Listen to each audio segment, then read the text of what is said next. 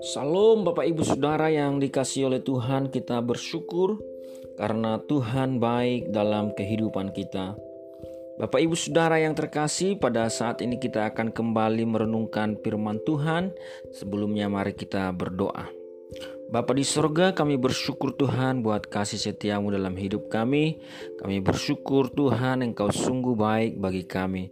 Terima kasih Tuhan atas segala berkat, anugerah, dan damai sejahtera yang Tuhan berikan senantiasa bagi kami. Biarlah kiranya Tuhan terus akan memberkati setiap kami. Terpujilah namamu Tuhan dan saat ini kami mau merenungkan firman Tuhan. Biarlah kiranya rohmu memberikan kami hikmat dan pengertian dalam nama Yesus Kristus kami berdoa haleluya. Amin. Bapak Ibu Saudara yang terkasih, saat ini kita akan kembali merenungkan firman Tuhan yang terambil dari Ayub pasal yang ke-14 ayat yang pertama sampai ayatnya yang ke-22. Ayub pasal 14 ayat pertama sampai ayat 22 demikianlah firman Tuhan. Manusia yang lahir dari perempuan, singkat umurnya dan penuh kegelisahan seperti bunga ia berkembang, lalu layu seperti bayang-bayang ia hilang lenyap dan tidak dapat bertahan. Masakan engkau menunjukkan pandanganmu kepada orang seperti itu dan menghadapkan kepadamu untuk diadili? Siapa dapat mendatangkan yang tahir dari orang yang najis? Seorang pun tidak. Jikalau hari-harinya sudah pasti dan jumlah bulannya sudah tentu padamu dan batas-batasnya sudah kau tetapkan sehingga tidak dapat dilangkahinya. Nah, Bapak Ibu Saudara, yang saya baca baru sampai kepada ayat yang kelima Bapak Ibu Saudara. Tetapi kita akan melihat apa yang dapat kita renungkan dari hal ini. Dan kita akan melihat satu persatu ada beberapa hal yang menjadi apa rema bagi kita pada saat ini. Yang pertama Bapak Ibu Saudara bahwa manusia itu panah dan terbatas Seperti air yang menguap Dikatakan bahwa manusia yang lahir dari perempuan singkat umurnya dan penuh kegelisahan. Seperti bunga ia berkembang lalu layu, seperti bayang-bayang ia hilang lalu lenyap. Nah, Bapak Ibu Saudara di sini firman Tuhan sedang mengungkapkan kepada kita bagaimana manusia itu fana dan terbatas Manusia itu hanya sementara, Bapak Ibu Saudara. Oleh karena itulah Ayub dalam pembelaannya kepada Tuhan mengatakan bahwa manusia itu fana dan terbatas dan manusia itu adalah orang-orang yang hari ini bisa berkembang dan besok bisa layu. Oleh karena itu, kalau kita mengetahui kita adalah panah, maka kita tidak ada dasarnya untuk kita menyombongkan diri, tidak ada dasarnya kita tidak punya kuasa apa-apa sebenarnya, seperti bunga yang hari ini berkembang dan besok layu. Hari ini kita bisa merasa kuat, tetapi besok masa tua sudah menanti kita. Bapak, ibu, saudara, itulah manusia, manusia penuh dengan kepanaannya. Bapak Ibu Saudara yang kedua yang kita dapat pelajari di dalam ayatnya yang keempat dikatakan Siapa yang dapat mendatangkan yang tahir dari sesuatu yang najis? Seorang pun tidak. Apa yang bisa kita pelajari Bapak Ibu Saudara? Bahwa tidak ada hal yang suci dari manusia yang berdosa tidak ada akan ada hal yang benar dari hati yang kotor. Tidak ada hal yang benar dari ketidakbenaran. Tidak ada hal yang suci dari ketidaksucian. Tidak ada satupun Bapak Ibu Saudara kalau hati kita kotor, kalau hidup kita kotor, kalau hidup kita jahat, maka tidak ada kebaikan yang murni, kebaikan kebenaran yang benar-benar sempurna yang akan bisa kita hasilkan. Hanya Tuhan ketika Tuhan menjama sesuatu yang najis, maka yang najis itu berubah menjadi tahir. Tetapi ketika manusia, Bapak Ibu Saudara, di dalam perjanjian lama, di dalam hukum Musa, Allah memerintahkan, Allah memberi perintah bahwa ketika seseorang itu bersentuhan dengan sesuatu yang najis, maka orang yang menyentuh yang najis itu akan menjadi najis. Tetapi ketika Tuhan menyentuh orang yang najis, maka orang itu akan ditahirkan.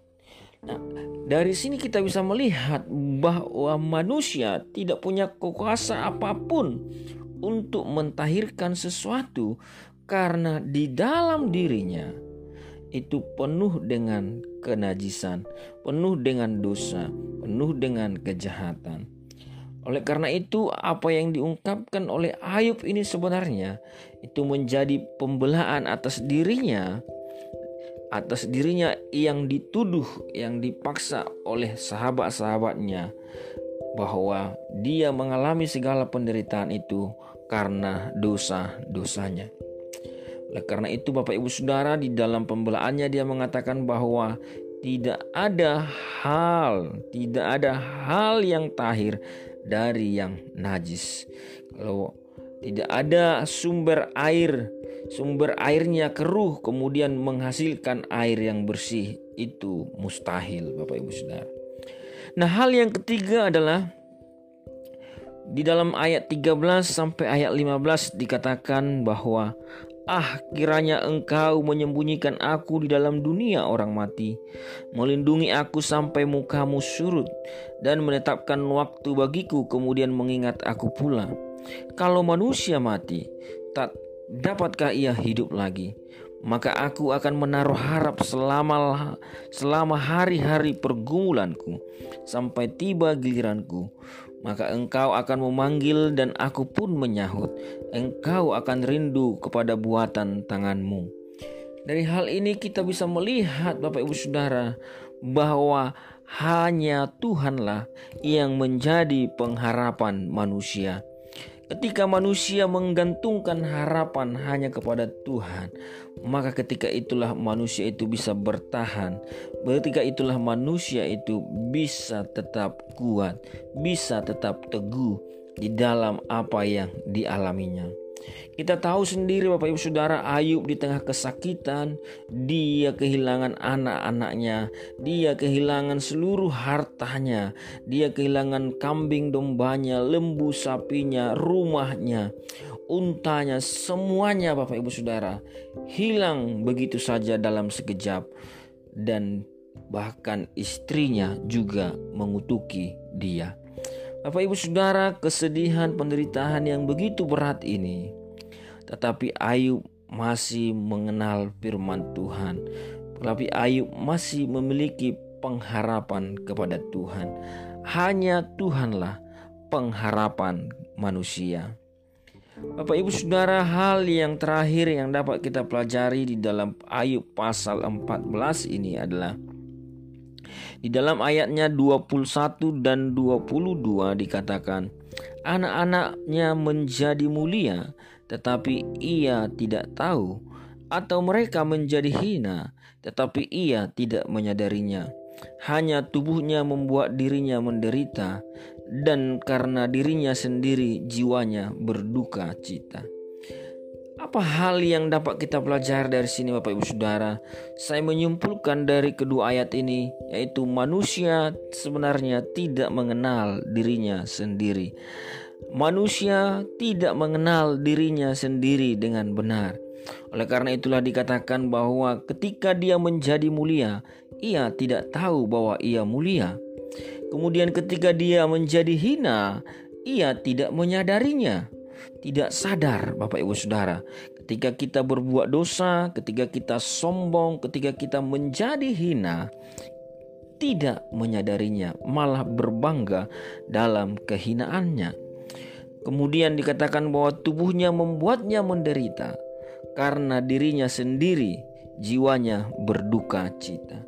Di sinilah Bapak Ibu Saudara letak daripada ketidakkenalan kita akan diri kita sendiri. Oh sebenarnya Bapak Ibu Saudara kita adalah mulia, kita adalah gambar dan rupa Allah. Manusia itulah gambar dan rupa Allah yang begitu mulia, yang diciptakan Allah secara khusus dengan tangannya sendiri. Tetapi manusia itu tidak menyadari kemuliaannya.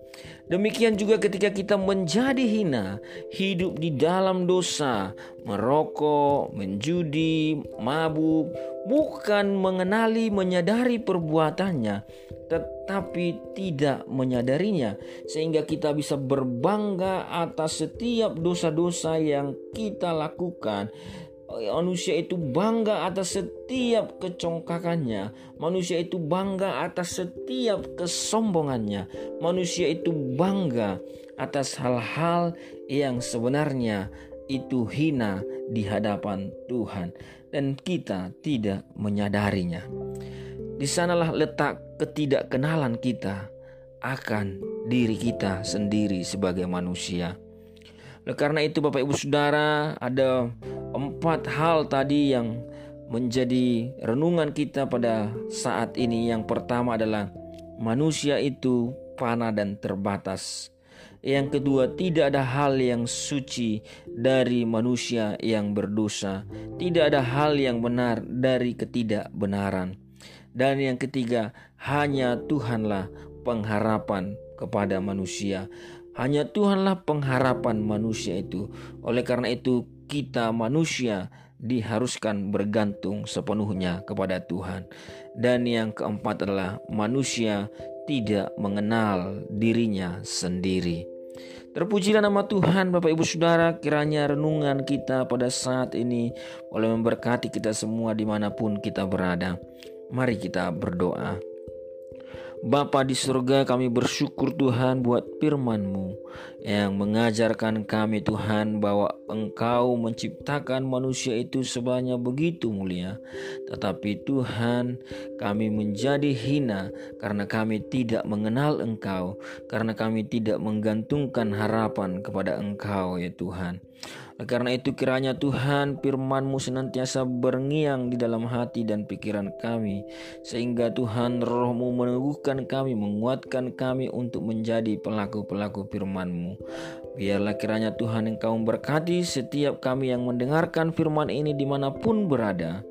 Tuhan menguatkan kami, meneguhkan iman kami senantiasa kepadamu di tengah-tengah masalah dan penderitaan seperti yang dialami oleh Ayub, tetapi ia bisa tetap teguh di dalam imannya kepada Tuhan.